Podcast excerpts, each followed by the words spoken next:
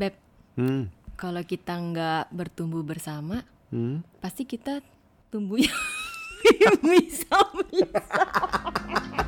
Sampai tumbuh bisa bisa.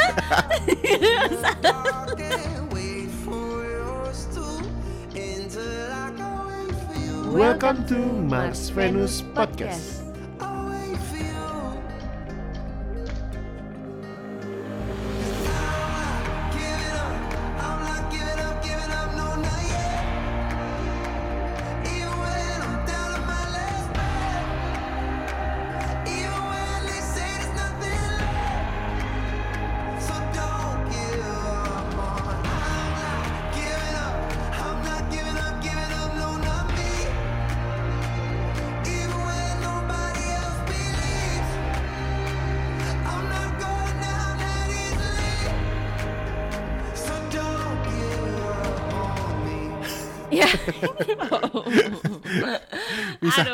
Aduh, aduh, aduh. misa misa.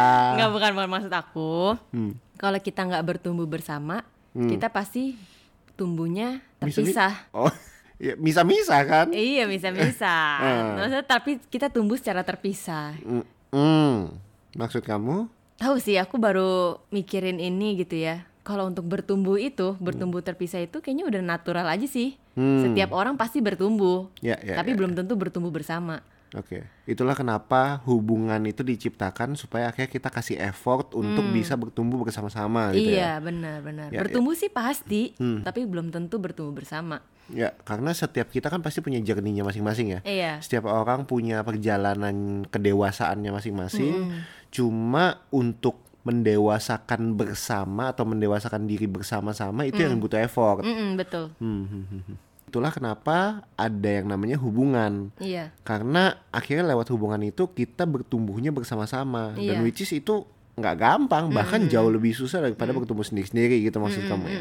Bener sih, tapi yang namanya hubungan kita emang nggak nggak boleh sendiri-sendiri, harus bertumbuh bersama. Hmm, hmm, hmm, hmm. Buat aku lebih susah sih beb bertumbuh bersama. Kalau sendiri sih enak ya lebih cepet, Hmm. karena kita bisa gerak cepet gitu kalau kita sendiri. Tapi kalau lagi bareng-bareng, kayaknya agak lama gitu karena setiap keputusan harus didiskusikan Ya, lah. ya, ya. nggak bisa main seenaknya sendiri lah, Hmm, gitu sih.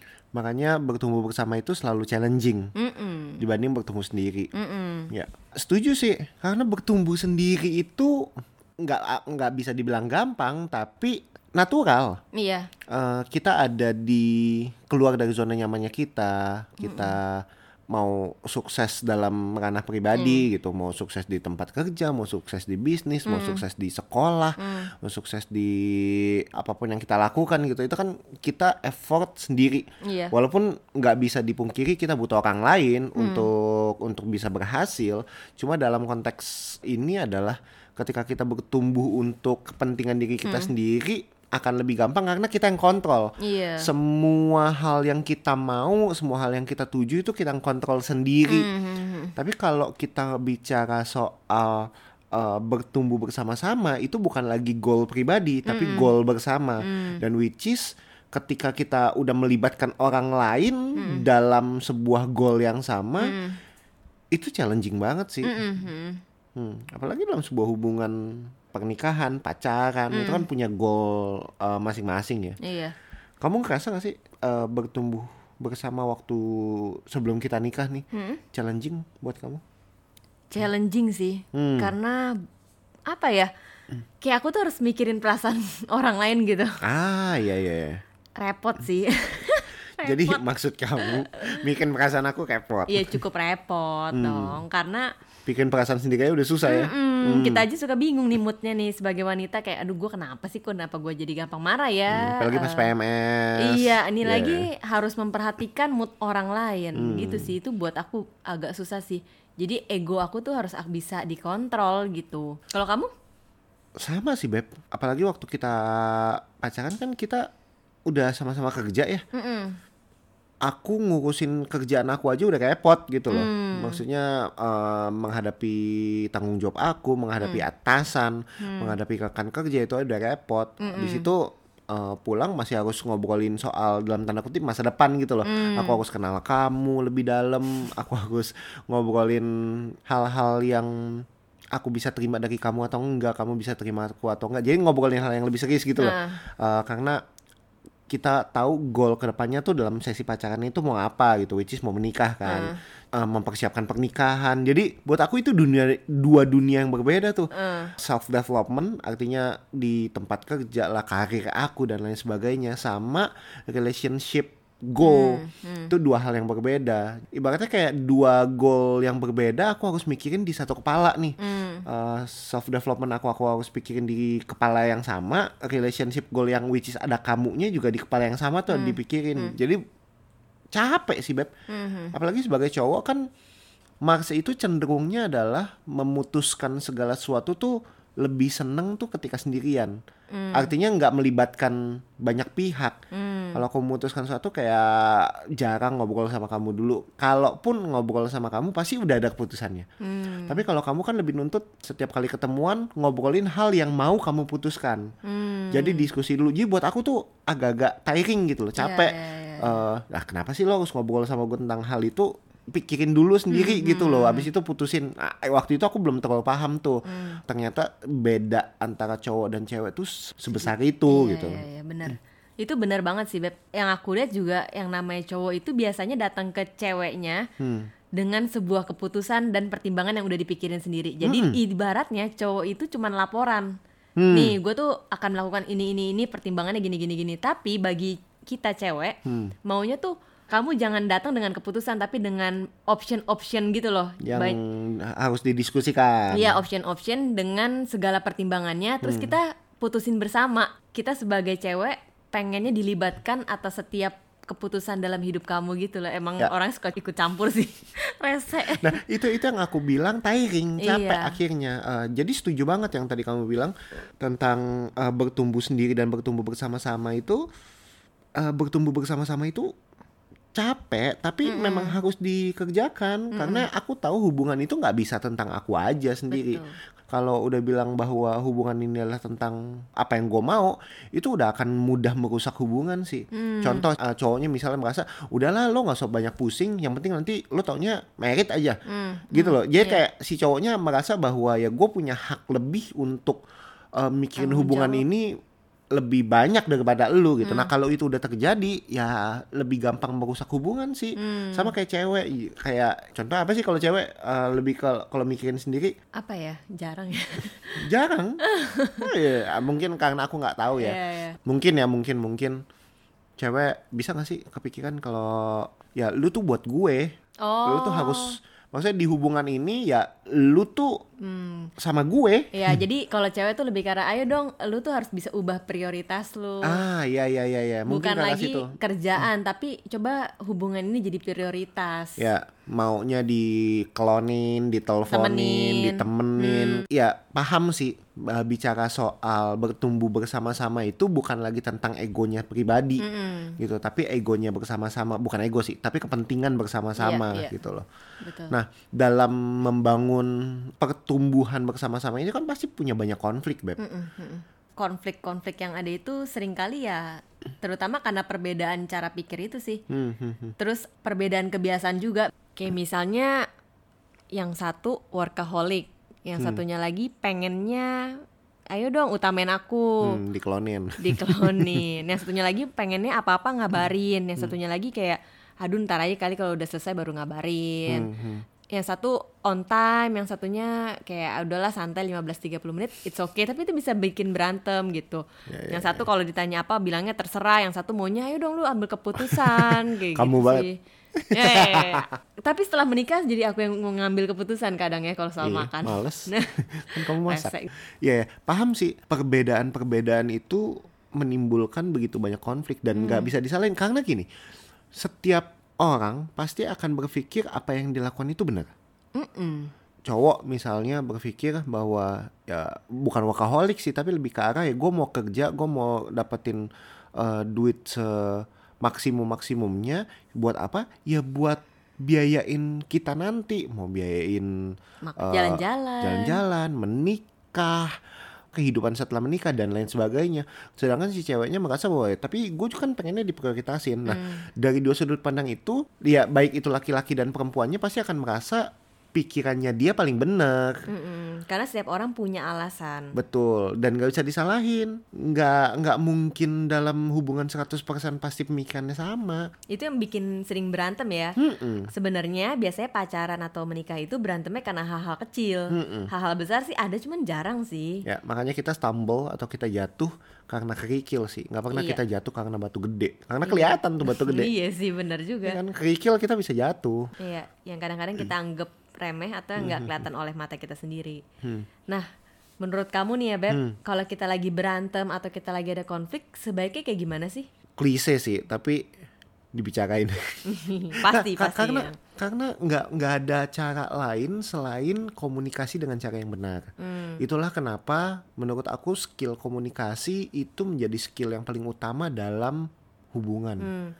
Nah, tapi ada beberapa orang yang maunya kalau ada masalah selesaiin juga di malam itu juga, Hmm. di hari itu juga Betul, maksud aku. betul, betul. Tapi ada beberapa orang yang kayak Mau di nggak skip, mau, ya iya, di nggak skip dulu di jangan hari ini. Nanti Kamu tipe yang aku tipe yang eh, tunggu reda dulu baru ngomong. hmm, Sedangkan kamu sangat jelas bahwa kamu adalah tipe yang harus selesai hari itu juga. Kalau nggak nggak Exactly. boleh pulang.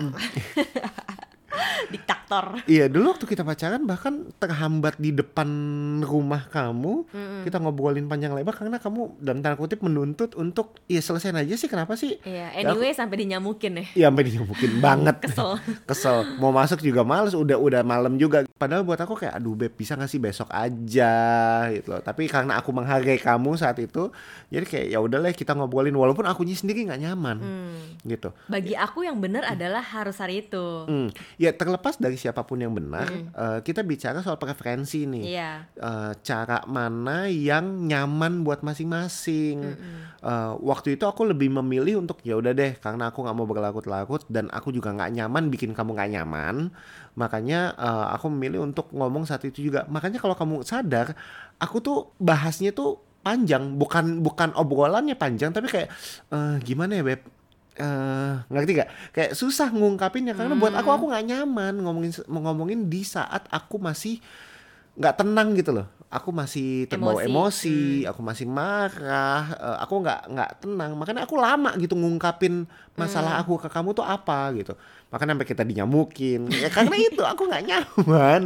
itu sih dan yang tadi aku bilang komunikasi itu jadi hal yang sangat fundamental dalam eh, hubungan karena masalah yang kayak gini aja ya kita harus bisa komunikasikan itu dengan sangat baik. Iya, betul.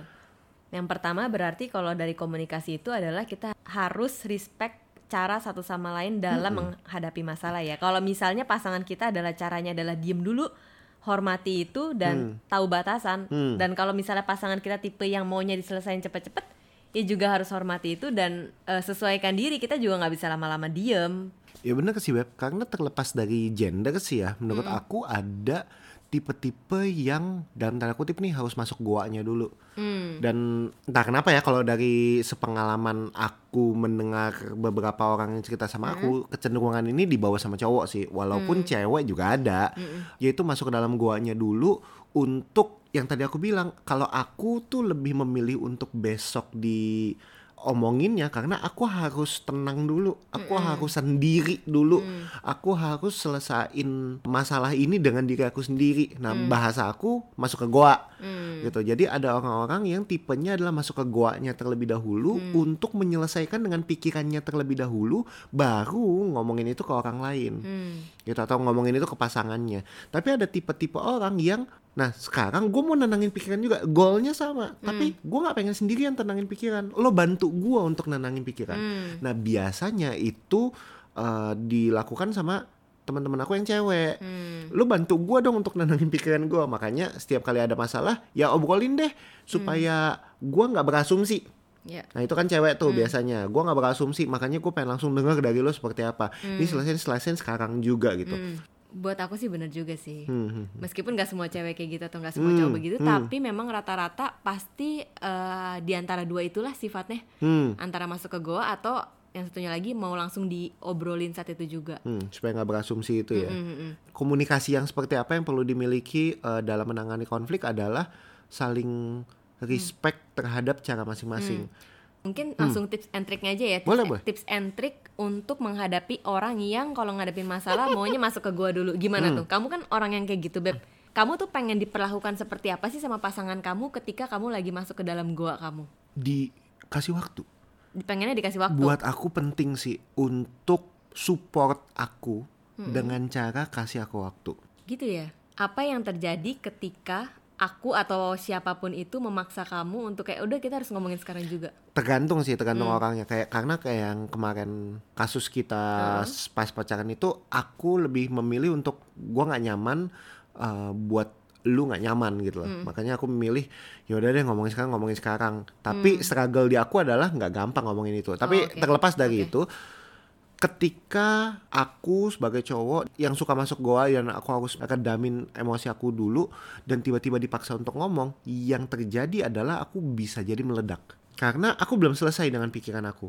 Aku belum selesai dengan menetralisir perasaan aku. Hmm. Sehingga yang keluar adalah no filter sering kali dan ujung-ujungnya bisa jadi buat kamu lebih marah buat kamu lebih kesel buat kamu lebih kecewa Malah sakit hati ya. Exactly, itulah kenapa aku perlu kamu dukung untuk selesain dengan diri aku sendiri dulu. Kebanyakan ya, kebanyakan adalah aku yang datang ke kamu untuk selesain itu. Oke. Nggak perlu, no kan udah kan, nah nih udah sehari nih, ya udah mau ngomongin nggak gitu. Jadi kayak nggak Oh, perlu, nggak perlu oke, kayak oke, gitu. Kalau emang ternyata itu penting buat aku untuk selesaikan, aku yang akan datang ke kamu.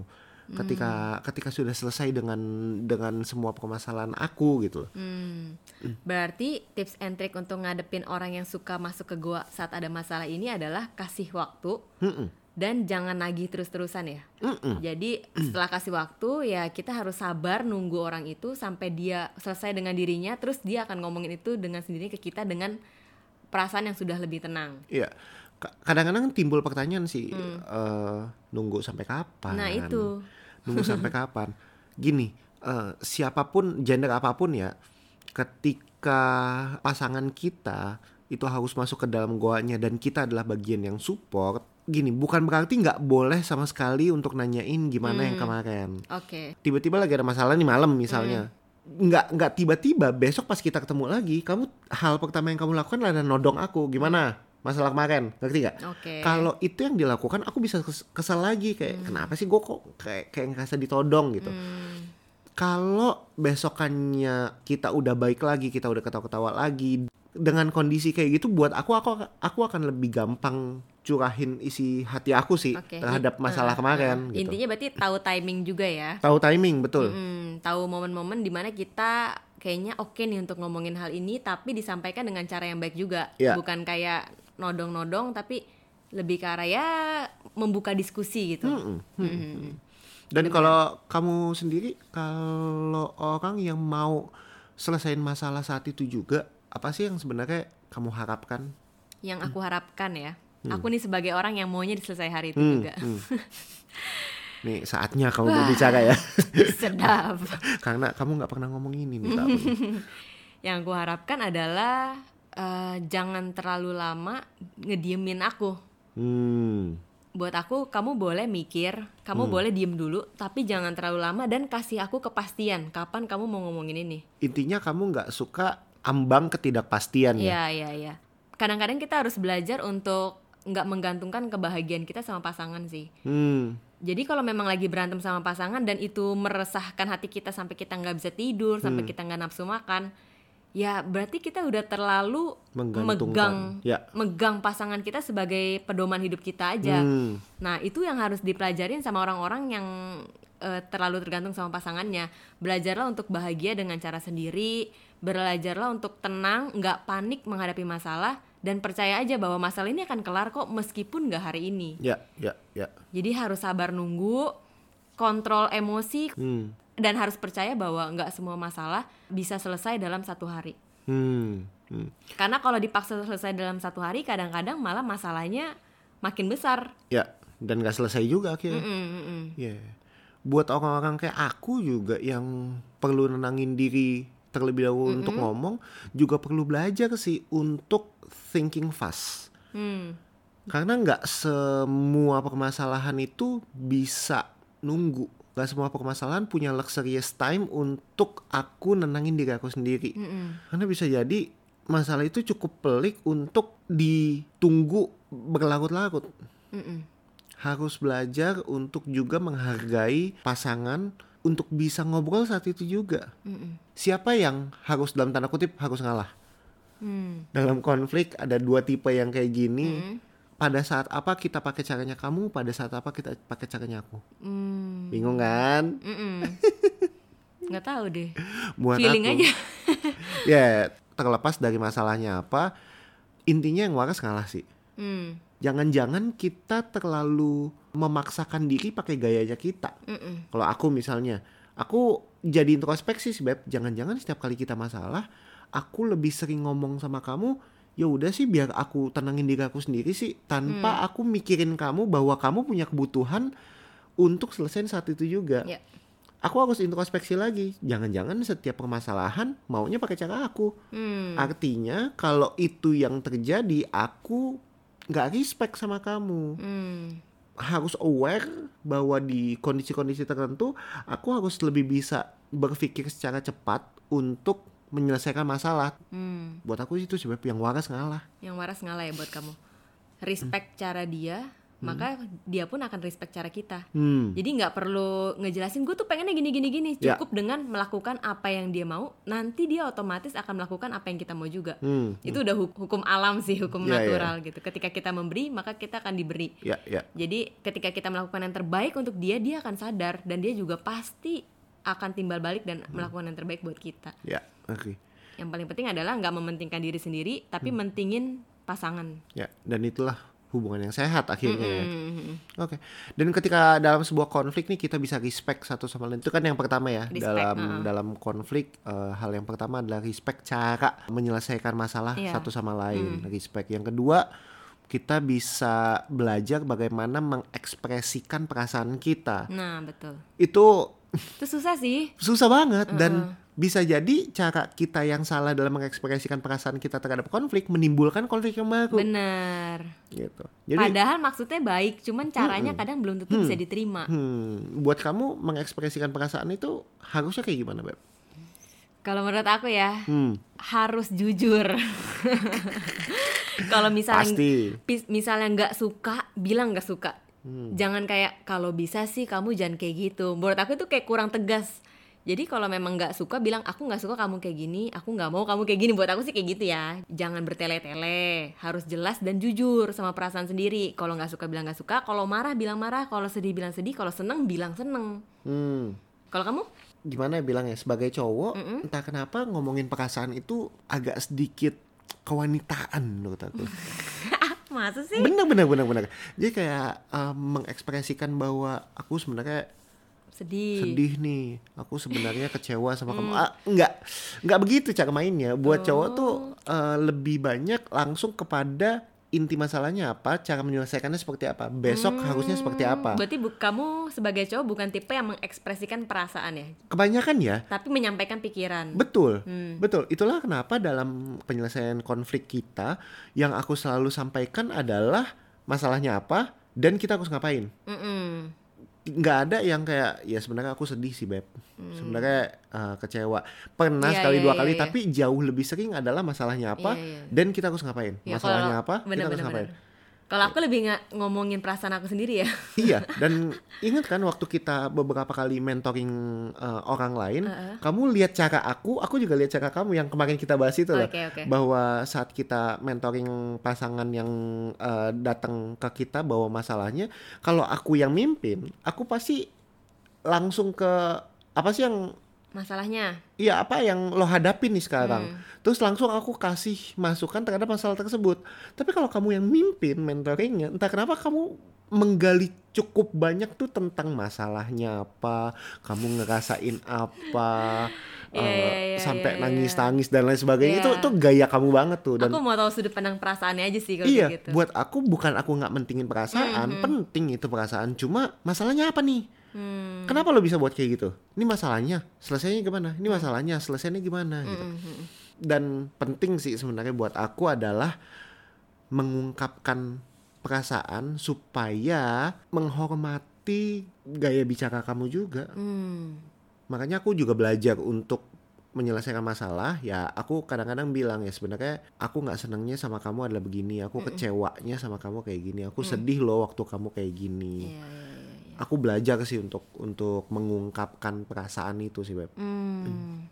Untuk menyampaikan masalah, cewek itu kan mengungkapkan perasaan. Kalau cowok lebih ke arah memberikan solusi, ya kan. Hmm, hmm.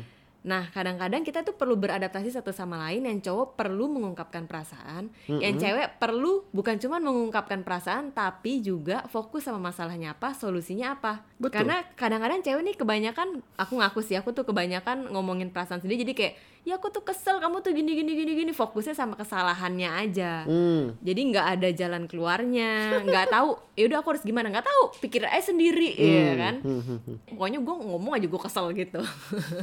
kamu banget sih Iya makanya memang harus beradaptasi selain mengekspresikan perasaan, aku pun juga harus bisa ngertiin posisi kamu dan kita fokus sama solusi yang ada. Eh, terkadang cewek itu juga sering kali baper Baper kenapa? kalau Hmm. cowok tuh fokus ke solusi Iya. ya gak sih karena si cewek ini akan Kok nggak ngertiin perasaan kok nggak aku? ngertiin perasaan padahal tuh bukan nggak ngertiin perasaan tapi apa yang harus dilakukan setelah ini gitu loh Iya gak sih Iya iya iya. tapi mengungkapkan perasaan menurut aku penting sih Hmm. dalam menangani konflik tadi kan pertama kita bicara soal respect ya Iya. uh, memahami dan menghargai cara uh, komunikasi satu sama lain dan yang kedua adalah kita bicara soal mengekspresikan Mm-mm. Pandangan, mengekspresikan pesan lah, Perasaan, uh, uh, pesan, pesan. yang kita mau sampaikan kepada pasangan kita bukan tanpa mengabaikan perasaannya, tapi justru mengekspresikan perasaan tersebut Mm-mm. gitu loh.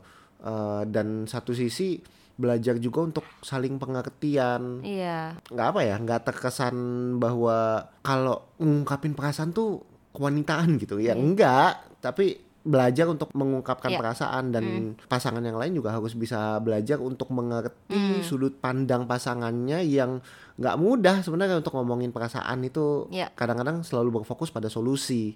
Mm-mm. Dan yang terakhir setelah kita respect, setelah kita mengekspresikan pandangan dan perasaan, kita pun harus bisa menerima Nasihat, nasihat sih, Iya. menerima pandangan orang lain, menerima solusi, menerima masukan sih. menerima masukan benar. Punya harus punya kebesaran hati untuk terima nasihat dan itu PR besar buat cowok. cowok tuh udah punya pride tinggi. Kalau dia merasa disalahkan dengan apa yang dia lakukan, sering kali itu ya berat aja buat cowok. Nah, buat aku perlu kedewasaan sih dalam sebuah hubungan Mm-mm. untuk cowok terutama belajar untuk terima nasihat Hmm. atau masukan dari pasangan perempuannya. Betul tuh beb. tapi kadang-kadang ajar. tapi kadang-kadang cewek kan lebih ke arah nggak mau disalahin Iya bener sih. iya sih sama aja sebenarnya kalau cowok dalam sudut pandang bahwa gue punya pride nih Hmm. kalau cewek nggak mau disalahin karena Emang nggak pernah salah. nggak pernah salah. Iya sih, memang yang namanya mengakui kesalahan, menerima nasihat atau menerima masukan itu adalah hal yang paling sulit. Mau Hmm. cowok ataupun cewek ya, baik itu pride ataupun emang gue merasa diri gue bener aja gitu. Hmm. Makanya perlu dua orang dewasa dalam suatu hubungan. Kita Yes. perlu sikap rendah hati, kita perlu penerimaan dewasa, nggak egois. Hmm, dan terutama adalah jangan berlebihan ketika terima masukan. Ah lo mah nggak ngerti gua, lo mah lo mah yang maunya menang sendiri aja. Hmm, jangan-jangan yang men- mau menang sendiri kita lagi. Mm-mm. Dia kayak kadang-kadang lebay gitu loh terima terima masukannya dan seakan-akan bahwa ya gue lebih benar dari lu. Mm-mm. Ini sih salah satu yang aku lakuin dalam hubungan kita sih Beb Karena sering kali, nih jujur aja sih ya Kita tuh punya alasan untuk marah, kita tuh punya pandangan sendiri Makanya merasa dirinya bener kan. Nah ketika lagi diskusi sama pasangan Setiap kali ada yang ngomong Jangan celak, jangan Dipotong. dipotong, jangan potong tengah jalan Dengerin sampai habis. Kadang-kadang yang kita lakukan adalah ketika pasangan kita ngasih nasihat atau ketika pasangan kita omongin apa yang menjadi maunya dia kita itu langsung pikirin di otak kita gue mau lawan pakai apa nih Iya, iya. gue mau lawan pakai alasan apa lagi nih Ya, ya, Nah ya. itu tuh harus dihilangin setiap ada kayak gitu tahan gue nggak boleh keluarin alasan gue gue nggak boleh keluarin pedang gue Hmm. gue harus tahan ego gue gue dengerin apa yang dia ungkapin nah itu menurut aku lebih bisa bangun hubungan kita ke arah lebih baik sih beb waktu itu pernah situasinya kita lagi berantem nih ya Hmm. lagi jalan-jalan berantem lagi kan kesel banget ya nah aku tuh selalu ingat kata-kata kamu yang bilang yang waras ngalah. Hmm. Nah, aku merasa saat itu gua waras, lu yang gila. Makanya lu nyerocos terus kan. Gue diem aja deh gitu. Aku tuh mikir di situ diem aja Hmm. meskipun dalam dalam pikiran aku tuh aku punya alasan aku melakukan hal itu karena apa terus kamu selalu salah salahin hal-hal itu karena kamu juga punya pemikiran sendiri Hmm, hmm, hmm, hmm. nah kalau misalnya mau hubungan ini menang harus ada salah satu yang ngalah sih Hmm. Karena tendensi yang harus diingat adalah lebih baik kalah, kalah, dalam perdebatan Yes, kalah dalam argumen tapi menang dalam hubungan. betul Daripada menang dalam argumen tapi kalah dalam hubungan. Benar. Kita harus bisa paham mana yang lebih penting. Apakah itu hubungan kita atau argumen, kita. Ya. Secara otomatis aja gitu. Kita maunya menang karena emang naluri kita pengennya menang. Iyalah. Kita udah kalah. Kita sudah terbiasa dengan kompetisi. Mm-mm. dari kecil kita harus ranking lah dan lain sebagainya. Terlepas dari apa pun yang terjadi dalam kehidupan kita, kita tuh terbiasa untuk selalu eh, bisa menang dalam setiap tiap hal lah dalam kehidupan kita. Salah satunya adalah ketika berdebat dengan pasangan. Iya. Kita pengennya menang, kita pengennya yang yang benar menurut gua itu yang harus diterima bersama. Iya. Tapi aku belajar dari kamu sih Beb Eh, Kamu sering kali mengalah untuk membuat aku lebih tenang Dan setelah itu kita obrolin bareng-bareng Hmm. Dan Hmm. di momen di mana aku lebih waras Aku lebih bisa minta maaf Aku lebih bisa terima masukan kamu Iya, iya, iya, iya. Dan buat aku, aku belajar dari cara kamu untuk terima kemarahan aku saat itu, terima argumen aku saat itu dan kamu seakan-akan argumen kamu kalah, tapi Hmm. akhirnya kamu berhasil memenangkan hubungan. Oh. Ya di saat itu di saat, di saat kamu sedang meluncurkan rudal-rudal kamu itu beb yang membuat aku diem adalah aku selalu pikirin ya I love you more than my ego Hmm, ya aku nggak mau hubungan ini hancur cuman karena aku mau menang aja ya. Dan itulah kenapa butuh dua orang yang dewasa dalam membangun hubungan. Mm-mm. Itu pun dalam pernikahan aja masih berat ya, Beb. berat lah Apalagi kalau pacaran eh, salah satu nggak mau ngalah. Mm-mm. Waduh, itu neraka kalau hubungan isinya cuma satu orang yang mau ngalah, satu orang nggak mau ngalah. Iya. Wah, neraka. yang satunya neraka. pasti lama-lama capek betul. itu, Itu, sih paling susah sih buat aku itu kamu setuju. Setuju. iya Eh, apalagi terima nasihat dari kamu. iya iya iya iya Tapi aku belajar, Beb, selalu belajar. Hmm. Eh, makanya belakangan ini kan aku eh, selalu belajar kendaliin diri aku untuk terima nasihat. hmm. Karena sekali lagi, bukan nature-nya cowok untuk terima nasihat. Hmm. Nature-nya cowok adalah mengontrol. Hmm. Nature-nya cowok adalah untuk menang.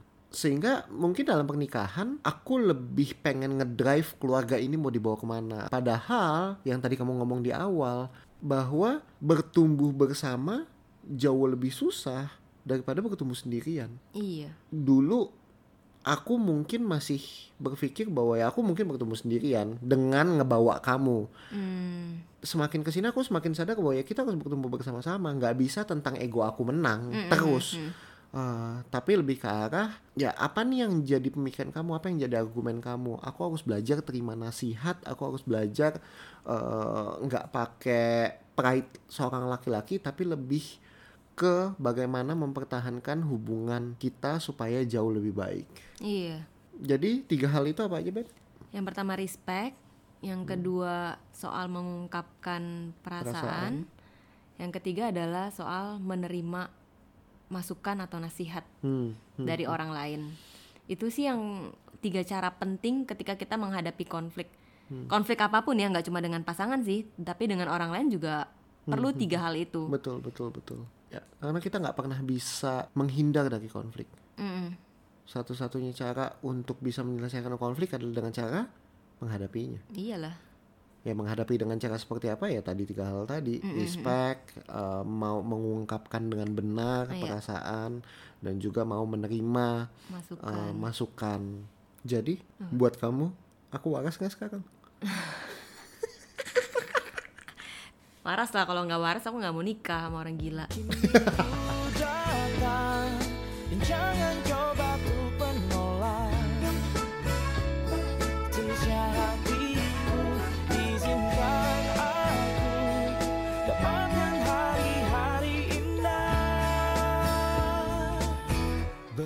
time